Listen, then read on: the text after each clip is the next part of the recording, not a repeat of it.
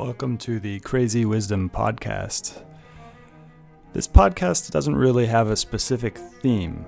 Uh, it covers a lot of my interests, it co- covers a lot of other people's interests. It goes into philosophy, spirituality, business, uh, how to live a good life, many different things. Ultimately, I don't believe in having themes for the things that we do. We can categorize the things, and obviously, we categorize things all the time. Uh, but I like to keep things open ended, a continuous process of discovering the truth as it is. Uh, and the truth is tricky because we can't really get to the truth uh, exactly because the truth is nonlinear. It is, in the words of John Vervaeke, combinatorially explosive. Uh, even the truth of this window that I'm looking at, the window itself, the glass that makes up the window is combinatorially explosive. The cup that holds your water is combinatorially explosive. You cannot model that cup totally in your head. You're only getting an image of it in with your eyes and your brain. That's not the actual cup itself. Uh, so this this show is a discovery of truth wherever it may appear by talking to people from various different fields. I've talked to artists, engineers, entrepreneurs, investors, uh, refugees. I've, I've just talking to anybody who has a glimpse into the truth. Uh, and through this conversation, through this mutual inquiry into what is true, what is real, hopefully we get to something that is helpful for to you. Now, we are in a time of crisis right now, uh, but it is in those times of crisis that we find our strength. And so, this show hopefully will help you to find the strength that is resting, that is deep inside of you, that is part of your birthright as a human being, uh, and find that strength so that you can get through these difficult times. Also, I want to let you know that I'm offering breathwork sessions uh, every day. I've got seven sessions a day. Uh, and really excited to bring this to people. People have been really enjoying it, and it has brought strength to people and courage. And, and that's my that's my goal is to help you find the courage to uh, not only survive but to thrive in the next couple years, maybe because this virus is not going away. Um, it, it, usually viruses come in waves. Uh, so this is the first wave. It will go away, and then it might come back. I'm not saying that I know for sure it will come back, but we are in this for the long haul. So this is a uh, marathon, not a sprint, uh, and I want to do everything I can to help you not only survive but to thrive. Uh, so. If you are interested in that, please find me on Twitter at Stuart Alsop III. My DMs are open. I'd love to hear about what you think about this show. Uh, also, it'd be very, very kind of you to both subscribe to the show on Spotify, Stitcher, uh, iTunes, many of the major pot plat- platforms. And if you're really feeling generous, go ahead and give a review on iTunes. So join me for the breath work. Just send me a message on Twitter at Stuart Alsop III with your email, and I'll add you to the email list where I'm sending out emails for the schedule. Uh, hopefully, see you there. Have a great day. Welcome to the Crazy Wisdom Podcast. My guest today is Jonathan Harrison. Jonathan and I have been working now together for probably about three or four years. I found him on Quora by asking a bunch of dumb questions, and then he gave me some really uh, uh, good answers and also dumb ones. But I can't tell yet which ones are the dumb ones, but uh, which ones are the good ones either. Uh, how you doing, Jonathan? Good, good, excellent. Thanks. Yeah. Uh, so, just for our listeners, could you give a little bit of uh, introduction into the work that you uh, help people with and the work you do? This work actually is, uh, in principle, extremely simple, but it takes a. It's so simple, in fact, that people miss it, and so it takes a little bit of time to get used to. It's uh, learning to become more realistic. The more we connect to what's really happening, as opposed to what we think, we realize that what we think is our creativity operating, but the real world is just happening, including our thinking, which is part of the real world, then from this more realistic viewpoint, what we think ceases to disturb us because we realize it has no particular validity or meaning whatever other than expressing our state of mind at the point that we may express it. And how did you get into this work? Well, it depends, uh, you know, from where you start. Um, the solar system was created. Uh, my grandmother's grandmother's grandmother was born you know, so the how and the when and uh, you know what happened, it depends very much on the timeline. And uh, I find no way of really identifying a beginning to it or an end for that matter. So I'm not sure. It's not an easy question to answer. But, you know, the conventional answer is um, I think I've been looking for reality and truth my whole life. I tried a few things which didn't work. And uh, I was lucky to meet um, a teacher who was, at that time, obviously the right thing for me because it, you know, it's luck. My mental state and his, you know, the chemistry was right at that moment. Probably if I'd met him ten years earlier or ten years later, it wouldn't have clicked the same way. And um, he introduced me to what I, I uh, usually call the unconditioned mind, the mind, your mind that sees reality as it is in an unfettered way without elaboration of thoughts. You know, just what is the absolute reality, you might call it. And um, this is the unconditioned mind with a direct view of reality as it is, uh, in which things that aren't real don't disturb you. I mean, you know, if your if your stomach hurts, it hurts. But if you're worried your stomach's going to hurt next week, that's a thought. That's totally different, and that doesn't trouble you because you know that thinking it's going to hurt next week and hurting next week are two completely different events. And so uh, those things cease troubling you. It's really not complicated, but it takes a little bit of getting used to because it's very radical and contradicts a lot of our education. You might call it um, a gentle adjustment or correction to our faulty education. That's also one way of looking at it.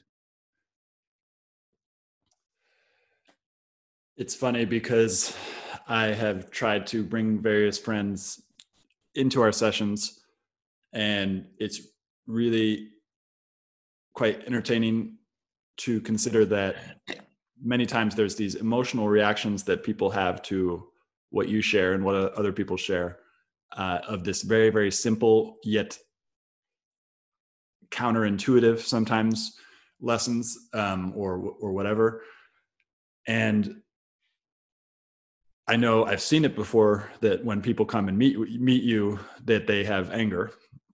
Uh, that's one of the flavors.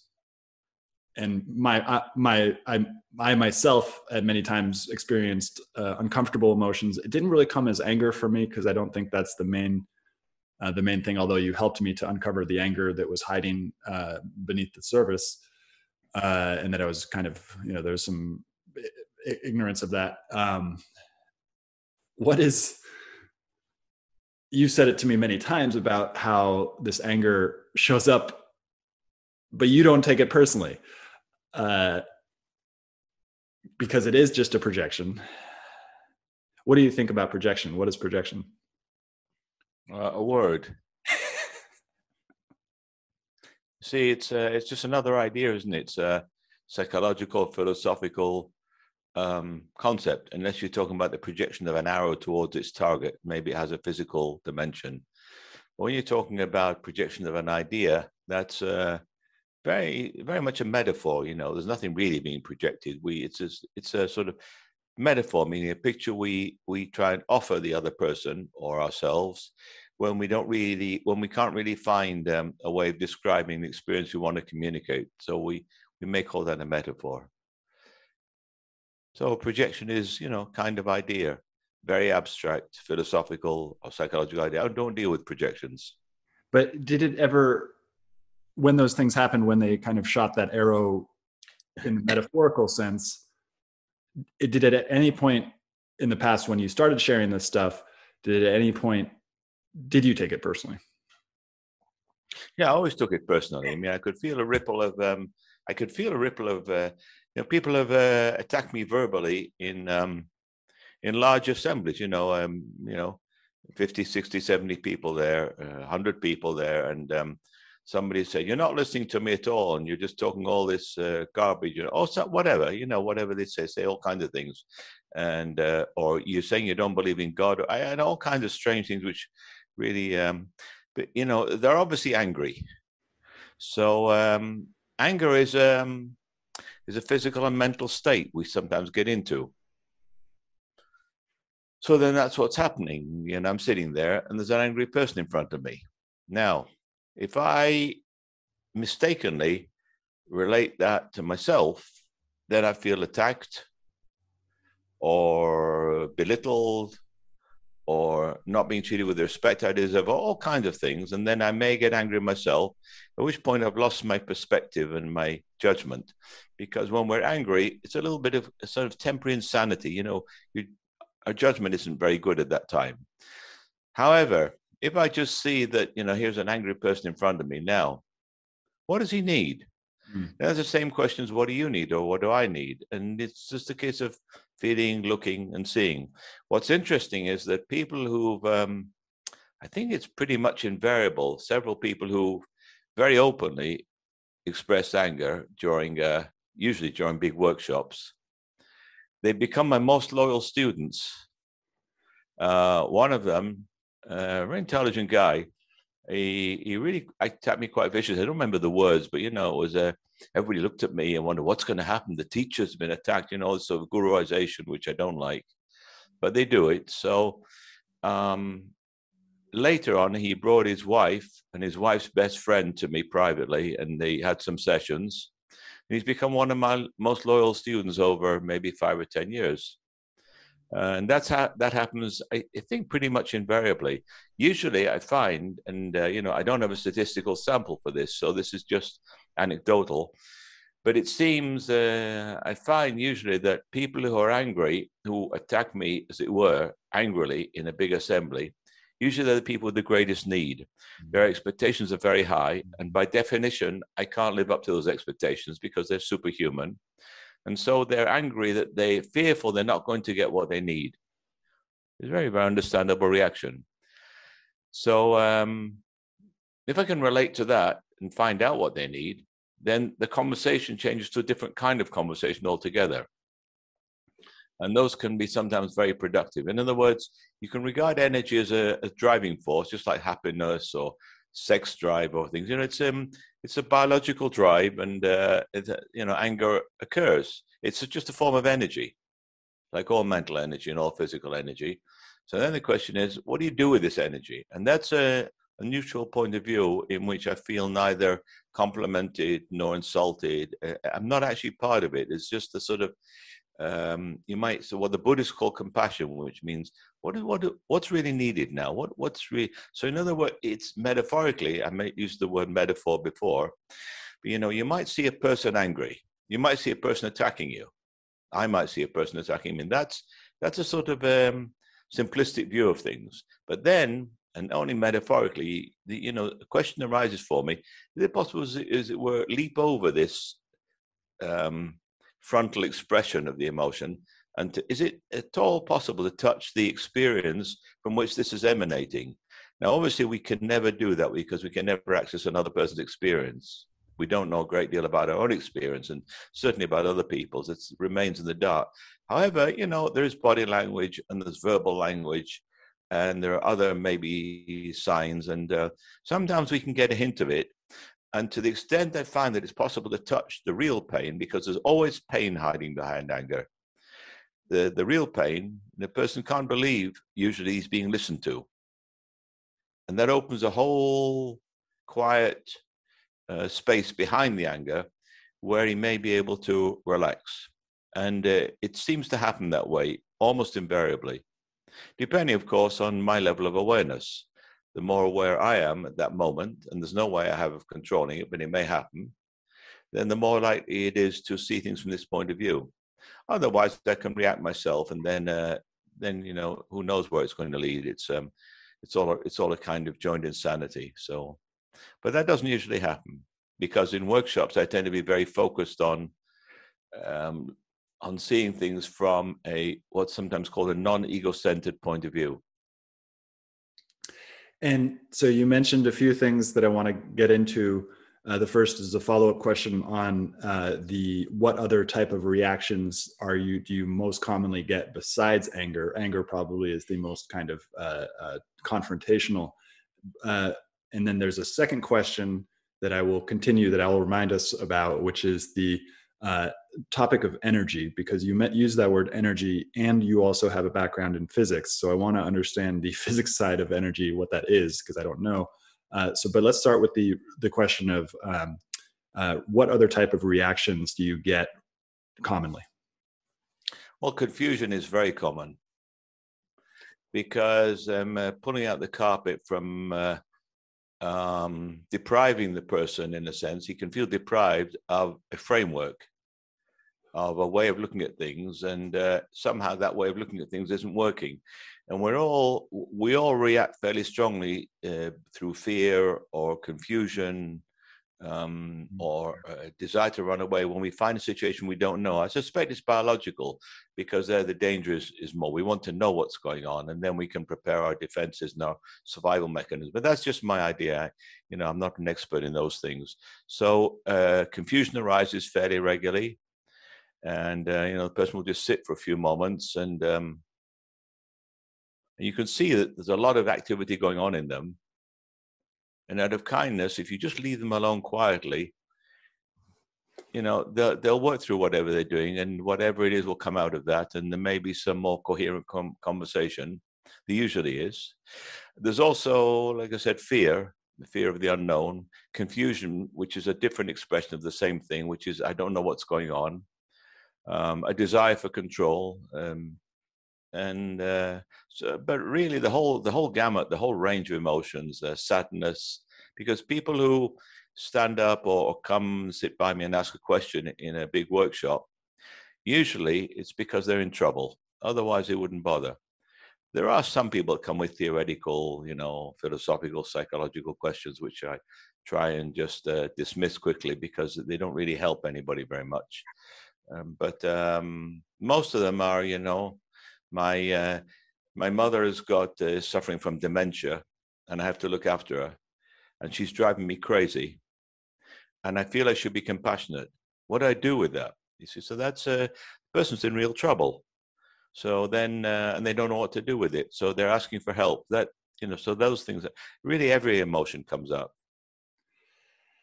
And uh, just thinking back to our sessions, that the I was trying to pinpoint what what is the main thing that came up with me in terms of that whatever that you just mentioned and and it was the the fear and the confusion.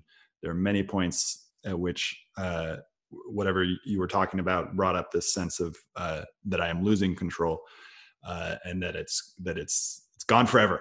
Uh, and then I realized that that uh, that it comes back that throughout through the the the, the period of uh, of uh, craziness uh, passes and then and then I'm left in a in a much more coherent state. And, um, uh, but I'm, I'm, sure that'll go away too. Um, uh, so I, and and I imagine it is a theoretical and intellectual question, but I want to get into the um, the energy. What is energy from a physics standpoint? I um I was using the term loosely because it's a you know, obviously people talk about the energy in a room, and really they mean the atmosphere, the emotional atmosphere. I think it's a. a I've always found that a bit confusing because, as, as you say, correctly, I come from background of physics. But what I mean by energy is sim- very, very simply um, activity or, or movement. So if the mind is active and thoughts are being generated, that's a, I call that a form of energy. Probably you could measure the number of ergs of energy that a thought takes or something, but whatever, the brain is active. So there's energy, meaning movement and, and activity. That, that's all I meant. Nothing very, nothing very highly defined or, or, or very special. There's not much terminology in this work there is ultimately there is no terminology but even at the beginning there's not a lot of terminology. This work doesn't depend on any theory which uh, took me some some years to you know get my head around because that was kind of strange. I kept looking for the theory and i couldn't find any. And it turned out that there really there really wasn't you see. Um, and even that's a theory of what i just said. So there's not even that. So it get it can get very strange very quickly because we're normal we, we normally used to looking at things through patterns. Is it this or is it that? Um, is is this um, you know republican or democrat? Well if he's neither then it gets more confusing you see. So you, we like to label people. Again I, I, suspect that's to do with knowing. I prefer to know where you stand and then i know how to speak to you or whether to run away or whether to make contact with you so um, but uh, not knowing is uh, more confusing in a sense, you could also say there are many ways of describing this work. Um, there, there are Eastern ways and there are Western ways. But one of the ways uh, you might describe it is, um, you know, it doesn't matter. We'll maybe come back to that later. Let's just forget that for now. This is probably a distraction right now. Uh-huh. I don't know if I answered your question. Well, you didn't uh, for the the theoretical aspects of it because I am I'm I'm interested in both questions, and I think my listeners would probably actually be really interested in in in the relationship between your background in physics and how that informed what you're what you're sharing, if any, if at all. Ah, physics physics uh, has been extremely valuable to me in this work. You see, scientists and physics is, was probably the first science to sort of um, crystallize out of general philosophy. And in fact, when I studied uh, physics uh, in Scotland at Edinburgh University, it was called natural philosophy, which is what Newton called it and his contemporaries. It was the philosophy of nature or, or uh, something like that, you see. And it was before chemistry and these other things, there was alchemy. But, you know, so physics uh, was started off as natural philosophy. And um, uh, scientists, you know, uh, unlike a lot of common impressions, um, do not deal with reality. There, there are disagreements between the scientists. You see, scientists deal with with creating and then testing or refuting models. As soon as they refute a model, they say, "Well, that theory is not good enough. We need another one." So they on working to try and develop a better theory. So Newton developed a theory of why things move the way they do, which worked fine for a few hundred years until Einstein said, well, it's correct if you're going slowly and you're not accelerating. But if you're going very fast compared to the speed of light, it turns out it's not quite right. And the faster you go, the less right it seems. And he developed um, a wider theory, which includes Newton's theory as a sub, as a sort of special case, but is wider. And uh, scientists regard their theories as being a stepping stone to the next scientist who will further refine that. And um, so I found that it's um, it was a kind of a way of trying to be realistic. I don't know what's happening, but I'd like to know a little bit better. Is it possible to push the bounds of knowledge a little bit further, um, create a bit more knowledge? Um, so it, it's all patterns, you see. And in a sense, we're all scientists, and that I think to reduce anxiety and for survival, we want to know and we don't know because we don't understand what's going on. It's, it's, this world's far too complicated. Even our own mind and body are far too complicated to actually understand totally. Nobody understands them. So we, you know, we, we come up with an idea, and if it doesn't work, then we, we, you know, we we go through this process we call learning, of um, updating our expectations according to the evidence, if we're smart. And so hopefully we get a bit wiser as time goes on. So for me, this process, not so much the actual physical knowledge that I learned, which was maybe very valuable, but the, the scientific method um, of um, you know trying trying out an idea and then refuting it, or, or, you know you can never prove that a theory is right, but you can prove it's wrong if this if the theory is contradicted. You can't prove it's right because you don't know what other information is going to exist tomorrow. And so um, that was really not different from what I'm doing today. And so we've got we've got evidence from a in the physical world we've got evidence that can lead to the refutation of various theories that we have. We don't know what's going to come tomorrow that will refute our current theories. And then we've got this other work that you're leading that i'm develop that i'm explaining a framework of right now which is that there is evidence f- for so we've got this energy the, the the the energy that you were talking about earlier which is this kind of vibe in the room um, and what are some of the ways that evidence for the vibe in the room or evidence for um, the work that you share is different from the evidence in terms of trying to find a physical theory of the physical world? Um, so I'm not sure I understood that last question. so, uh, so what is oh, what, the, what is it? What is it you actually want to know? That was uh, a bit too theoretical for me so uh, the the we've got we've got the the vibe in the room. We've got this this energy. You go into the room, you know what's going on. Um, well, no, you you don't know what's going on, but you you you. Yeah, but hold hold on a minute. If you think there's a vibe, that's already kind of knowing what's going on. What happens if you don't even know there's a vibe on it? Because ultimately, vibe is also just a word, an idea, isn't it? So what happens? And you also don't know if it's a room. So you know, here we are now. What's going on? Well, eh, I'm not sure what's going on, but it's not what I think. That's closer. Yeah. It's not also different from what I think. What I think is, for me, is kind of human creativity, this marvelous, wonderful human creativity that goes on, the source of literature and symphonies and art, you know, and philosophy and science and religions, you know, and all this kind of immensely creative work that people do, as opposed to what's happening. You see, so I just I'm encouraging people to uh, not to confuse the two, so that you don't suffer from what you think. That's all. It's a very um, it's in a sense a negative sort of way of looking at things, not negative in the in a pejorative sense, but negative in the way it's not that. So then you you say, well, what's going on if not what I think? And of course, there's no answer to that, because if there was an answer, it'd be some more that you think. So, so then if you really, really appreciate this very, very deeply, and it can happen. This is one of the functions of a teacher to introduce you to this space. What's happening now, if not what I think? You immediately face, you may face, um, open space of pure awareness in which you don't know what to be aware of, you don't know who's aware, and you're not even sure what awareness is, and it doesn't really matter anymore. I'll tell you what it's like, Stuart. Um, you know, occasionally you, you know, you sit on a beach and you watch the waves and uh, maybe it's sort of towards evening. Most of the people have gone away, and it's quiet. And maybe the sun's just dipping, you know. And there's one of these sort of uh, amazing moments, moments in which you understand why God exists, whether you believe in God or not. But you can you can understand where spiritual work and um, you know it's it's a sort of um, transcendental moment. I don't like these big words, but you know what I mean. When when things are, it's sublime. It's that's that's maybe the word.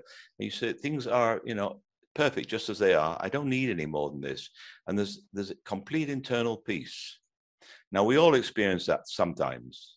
You've experienced it many times. You know, you may be sitting in a forest looking at the trees and you hear a bird suddenly, and there's something. There's a sort of, in a sense, time stands still in a poetic sense all I'm doing is encouraging more of these moments by um, encouraging and introducing people on a continual basis as much as possible to this awareness of things as they are rather than things as I think they are. I hope that makes things a bit clearer. It, that's why it's very simple, because simply introduction to this. So in a sense, this work is nothing special.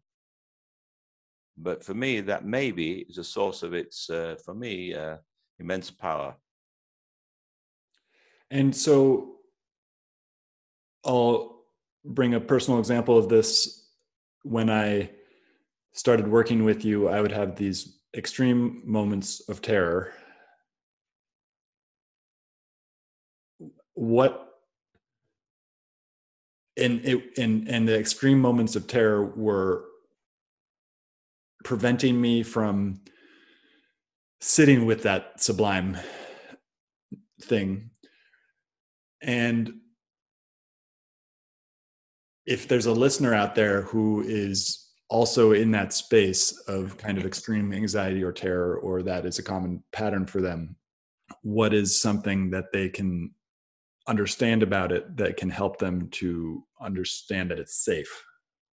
Well First of all, uh, preface that by explaining that there are times and there are people in certain states in which this work is not applicable or not appropriate, not suitable.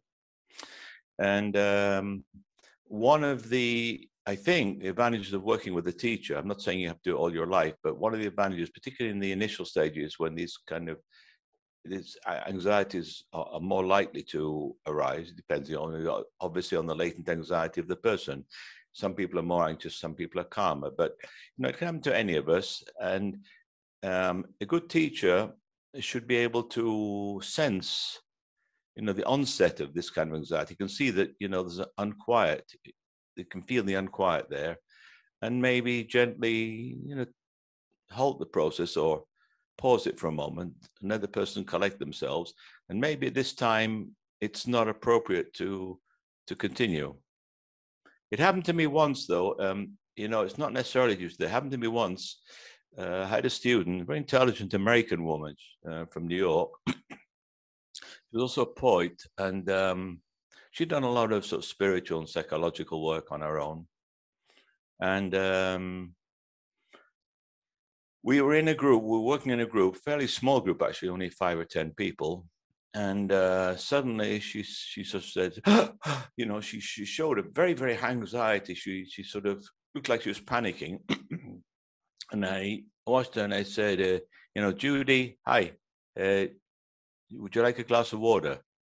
Let's forget this for the moment, you know. Uh. And she sort of made a sign to me, which means it's okay, it's okay, just leave me. I, I, I know what I'm doing. I understand, thanks, but I'm okay. It'll be all right. And I trusted her. I knew her and I trusted her. So I, I you know, I let things be. I didn't do anything at all. And um, I don't know, it's a few seconds, a few minutes, probably a few seconds, half a minute or so she uh, began to restabilize. And then she said, Wow, she said, that was hard to believe. She said, In the 60s, I did acid, you know, LSD. And she said, um, Just now, in this very deep meditation you were teaching us, I suddenly occurred to me that I could have the same experience, which I then called psychedelic, but now, you know, it's just meditative, but without all the side effects, and without all the sort of chemical dangers of the acid, just through meditation. And that really amazed me. And uh, and so she went away. She seemed to go away and take uh, something very useful with her.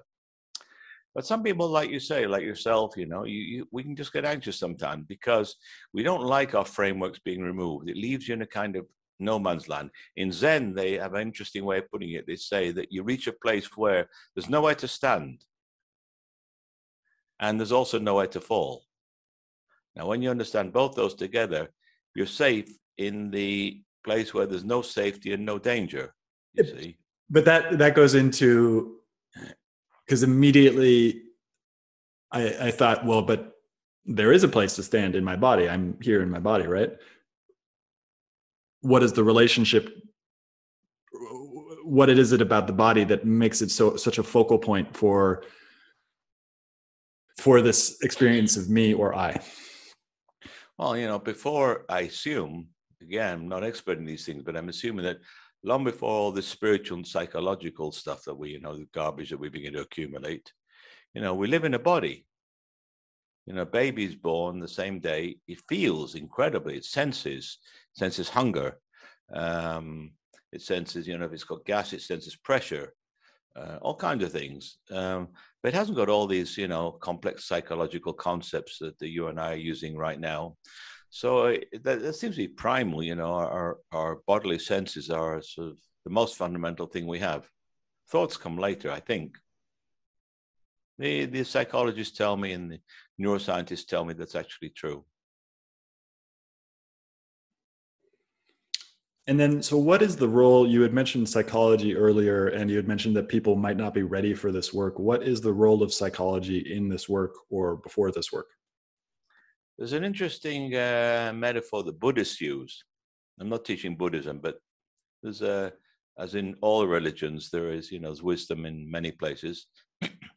and they they suggest that um, a psychologist can help us in the dark. The dark then is a metaphor for our subconscious, which we you know we don't know about it. It thinks, but it, we don't know about the thoughts, so it influences it without our being aware. It's, stuff that psychologists work with, particularly psychodynamic therapists. So it said a, a psychologist will light a, a torch, put on a light in the dark, and pointed at something to show us something important, meaning usually something in our past that affects how we are today. We hadn't realized some connection we hadn't realized. So that's what psychologists do, which is obviously far from the whole story. Psychotherapy is far more complex than that. But it's a, um, a Buddhist or Zen master, for example, doesn't do that. Zen person looks at the torch. He wants to see how torches work you see how this what is this illumination about? What's the difference? So in a sense in this kind of work there is no unconscious because we regard everything as unconscious. And the idea is to have it all conscious you know just by looking at it. Which you can't you begin to see. Pardon? Which you can't do. There's no way that i that that i can make everything conscious. Uh you can't make it conscious, but you can just look at what happens and you begin to see more and more and more. It just happens by itself. The, the moment you're not frightened of your thoughts, and this may happen, this is where a teacher may be useful to help you see the thoughts ultimately empty of, of pointing to anything real. They're just, you know, creations. A thought of a house isn't the same as a house. A thought of surfing isn't the same as being at sea with a surfboard. You know, it's, it's totally different. So, um, um, as you begin to see that thoughts don't really point to real things, then what you think becomes less critical because you may think good things, bad things, but none of them have any ultimate, total inherent validity. And then you're less frightened. This fear you mentioned before is less likely to arise because you can face your thoughts without worrying about them. You say, well, you know, it's thought that I'm, I'm worthless. So there's a thought there. It doesn't mean you're worthless. It doesn't mean you're worth a lot it means that a thought is occurring. So you begin to watch your thoughts like you might watch the waves in the sea or the clouds in the sky, and uh, they no longer worry you. In this state, it's much easier to look into your mind and see what's there because you're no longer frightened of what you might find. And many people don't go to psychotherapy because they're frightened of what the therapist may reveal to them not realizing, of course, that whatever psychotherapist may reveal to them is in them already. So if it's there, you might as well have a better map of yourself. But that's that's that's something else. So uh, what I find is this uh, awareness of the understanding of nature of reality, as opposed to what you think, the theories, the patterns, the beliefs, and whatever, enables you to probably gives you a potential for knowing yourself better because you're less fearful about what you might find because what you might find is simply, you know, filling in the gaps in a map, which is wonderful. Obviously, the more you know about the territory, the easier it is to navigate. And then, so we've got the psychology aspect, which is like the traditional, if I'm in the United States or England or Israel or anywhere else, uh, well, in the Western world, the, the, uh, and probably in urban centers around uh, in the developing world, that the primary way that I want to fix myself is to go to therapy. Um, mm then there's a there's a whole bunch of other things that people are getting into that are outside of that specific framework. Uh, for example, breath work, uh, yoga asana, which is the the the, the movement training of of yoga. Uh, um, all sorts of stuff, psychedelics, all these different things. And, and in San Francisco, they're now incorporating a lot of those things into that traditional model of the psychotherapy, which which there are some issues with that. Um, what is the role of all of this other stuff and i'll, I'll explain it a little bit more uh, because i i started working with you i was already a breath work i was already sharing breath work. I was already sharing yoga asana um, and i continue to do those things but the the amount of investment in terms of thinking that this is it that i found it um, that i found this thing that's going to save me um, has gone away. Um, uh, what is the what is the role of these traditional or uh, alternative kind of things? I suspect you're in a much better position than I am to know that because you you have experience of them, as you're saying, and I don't. Uh, but what I have found is it seems that this work that, uh, that we're talking about here, this accessing reality and accessing the unconditioned mind, which is really two ways of looking at the same thing, is is there there is there may be a difference from all the Western um, healing methods and psychotherapies, in that in this work we don't start from the assumption that a problem exists. So there's nothing to heal or to solve. And we don't even start from assumption that no problem exists. So then everything's open this famous story about uh, Leonard Cohen that he spent five, six years in a monastery um, and, uh, on Mount Baldy outside, uh, I think it's outside Los Angeles. Mm. And um, later he was being interviewed on, I think, French TV, but he was being interviewed in English, and it's you can you can see the interview on YouTube. It's very interesting, and um, this woman uh, journalist asked him, you know, I don't understand, Leonard. You're a man who likes women. He had a lot of women in his life. I don't know if he was ever married. I think not, but he had a, he had a lot of relationships in his life, and women were attracted to him. Um, he was he was not only charismatic, he was very uh, communicative and um, sensitive kind of person, and a lot of women were attracted to him. And uh, so this journalist asked him, you know, I don't understand for you, Leonard, how you can be in a monastery. It doesn't seem to go, you know, this sort of life of a monk and um, the celibacy it doesn't seem to work for somebody like you. I'm, I'm, I'm not sure exactly exactly the words she used, but that's what she basically was asking him. And his answer was interesting for me. He said, um, you know, he said, you have to understand that this particular kind of monastery, a Zen monastery, um, is more like a hospital. and the Roshi, the head of the monastery, you could compare maybe to the chief physician. So she sort of went along with that line. So, well, if you want to put it like that, what did he cure you of? And his answer was, he cured me of the illusion that I was sick. And that feels to me also very close expression of this kind of work okay, here's something personal then, because I I have this thing in my in my ribs that I've been working on for so long. Uh, you see, if your ribs hurting you, there's a pain. None of us like pain. But if in addition you feel this feeling shouldn't be there, what's wrong with me? You can go off into a neurotic worry, which can amplify the, the physical sensation of pain. And sometimes this added pain, this secondary pain, may be even bigger than the original pain. And so uh, you're sort of a rebellion against it. It shouldn't be there. I don't want it. When is it going to go? How can, how long can I put up with this? We're all familiar with those kind of that kind of tension around it can very much exacerbate even the physical sensation.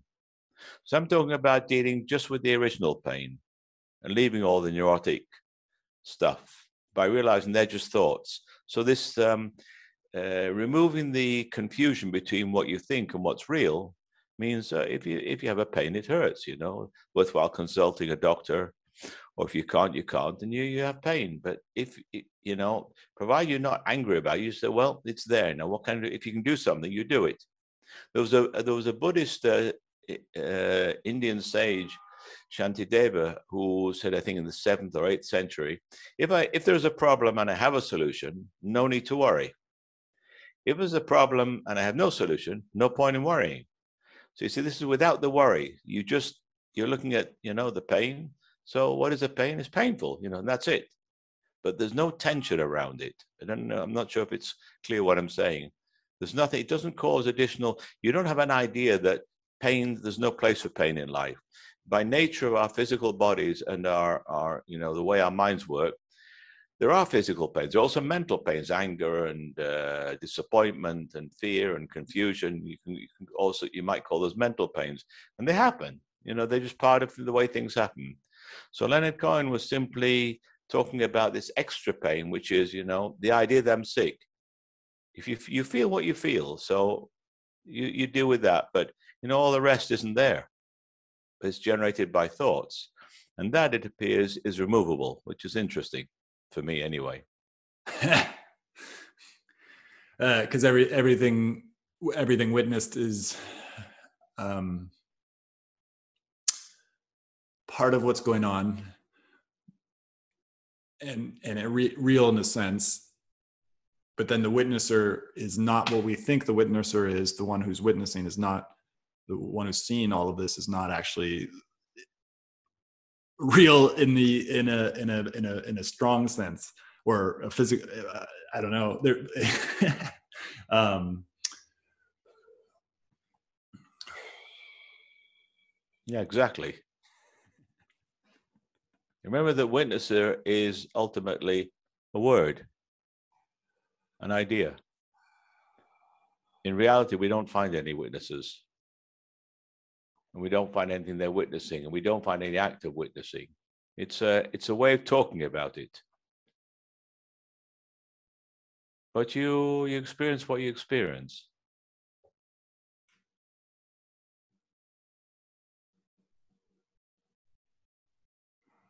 So this work does not actually involve anything doing anything special. That in itself is very strange to most people, but that's the essence of the work. It's not another therapy. What I do find, though, is from the uh, psychologists and other therapists that I have uh, students that they say kind of oils the works. It makes their own therapy, whether it's CBT or narrative therapy or psychodrama, it, it sort of enriches it and gives them an extra dimension of awareness around the around what they're doing anyway. So it seems to be it seems to have the power of making other kinds of therapies possibly more effective. I don't have a statistical sample, but that's the anecdotal evidence I have from students. That is beautiful. And so we just got a few minutes left. How, if people are interested in doing this type of work with you, how can they find you? Ah, well, uh, they can look at my two books, Ending Stress and uh, Realizing Happiness, both of which are on Amazon. That's a very cheap way to start. You just have a feel and see if it talks to you or not. And in the book is also my my mail and my phone number. There's nothing secret about them. So uh, it's pretty easy to contact me actually. I, I originally found you on Quora because uh, I was uh, it was so interesting because I I uh, found it uh, I was at the at the rock bottom in terms of my own personal struggles, and then I found a uh, someone else on Quora who I did coaching with. Uh, and on the very first session where we were discussing money and everything like that, he uh, said that he claimed enlightenment um, and I was like, "Oh, that's a big, that's a big claim. What does that mean?" Uh, and uh, and uh, then then through I stopped working with him eventually, and then I started asking a bunch more questions. And your questions were the most. Yeah, it was the depriving me of the the frameworks that the questions had come from, which was really interesting. Um, it, if you if you meet a teacher who uh, claims he's enlightened, my advice is to find another teacher because it simply means that this person hasn't really understood what it's about. And that can be, I wouldn't say dangerous, but there, the risks in that because it can mislead you. So there's a double loss from it. One is that you can be misled into, like you're saying, feeling that you've found the truth. There isn't such a thing. Um, this is not a religion.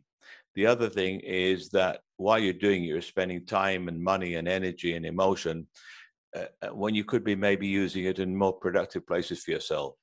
So I think uh, you need to be very circumspect and very um, critical about what you're doing, not in a negative sense. Just be very aware and, and check check out. Teachers need to be checked out very carefully because it's easy to set yourself up as a teacher, but you, student who who, who needs, it's up to you. Ultimately, you have the responsibility of deciding if this person is genuine, if they're real, if they if they're you know uh, um, ethical and all those other things. But in addition, if they're the right person for you at this moment, and you know, ten years later, you may need something different. So ultimately, it's you that has the work to do. Teacher may be a, a force for catalyzing it, but ultimately, obviously, the work happens in your mind.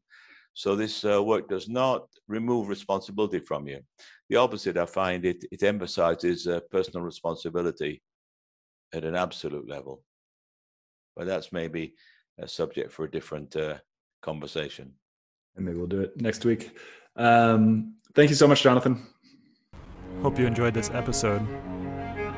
I'll be publishing episodes every Monday, Wednesday, and Friday in the morning. If you did enjoy this episode, please find us on iTunes, Spotify, Stitcher, many of the major podcasting platforms, and go ahead and give us a review and also subscribe. And as always, I'm on Twitter at Stewart Alsop III. Come join the conversation as we aim towards the truth. And the funny thing about truth is that you can't really put it into words because every time you put the truth into words, you create a linear narrative out of something that is nonlinear. The truth is nonlinear. It's not it's, it's, if you really recognize the truth right now, your mind wouldn't know what to do. It'd be overwhelmed by beauty, maybe pain, or it's, it's something that is beyond our linguistic capability to represent. But that doesn't mean that the language isn't helpful. Language can point us in the direct, right direction, but it's, it's, not, it's not the truth itself. And so come join this collective inquiry into the truth. Find me on Twitter at Stewart Alsop III. Uh, subscribe to the podcast, share the podcast with your friends. Uh, most people don't have the ability to let go of this linguistic understanding of the way that the world works and just aim for the truth, regardless of what the language tells us. Uh, and so I think what I'm doing with this the show is is necessary for us because as we enter this stage of uncertainty, uh, and we are most definitely entering an age of uncertainty. And as we do, it's really, really important that we stop paying attention to what the mind is telling us all the time doesn't mean to say that the mind doesn't have its place. The mind obviously has its place, but it's just one of the senses. It's just one of the tools that we can use. We can use the mind, we can use the feelings, we can use our actual senses. Uh, we can check our intuition with other people because sometimes the intuition tells us the wrong thing as well. Sometimes the intuition is wrong. So it, we can't we can't rely on any one tool to get us there. So come join the show. Find us on iTunes. Find us on Twitter at Stewart Alsop III, uh, and come join the, this inquiry for truth.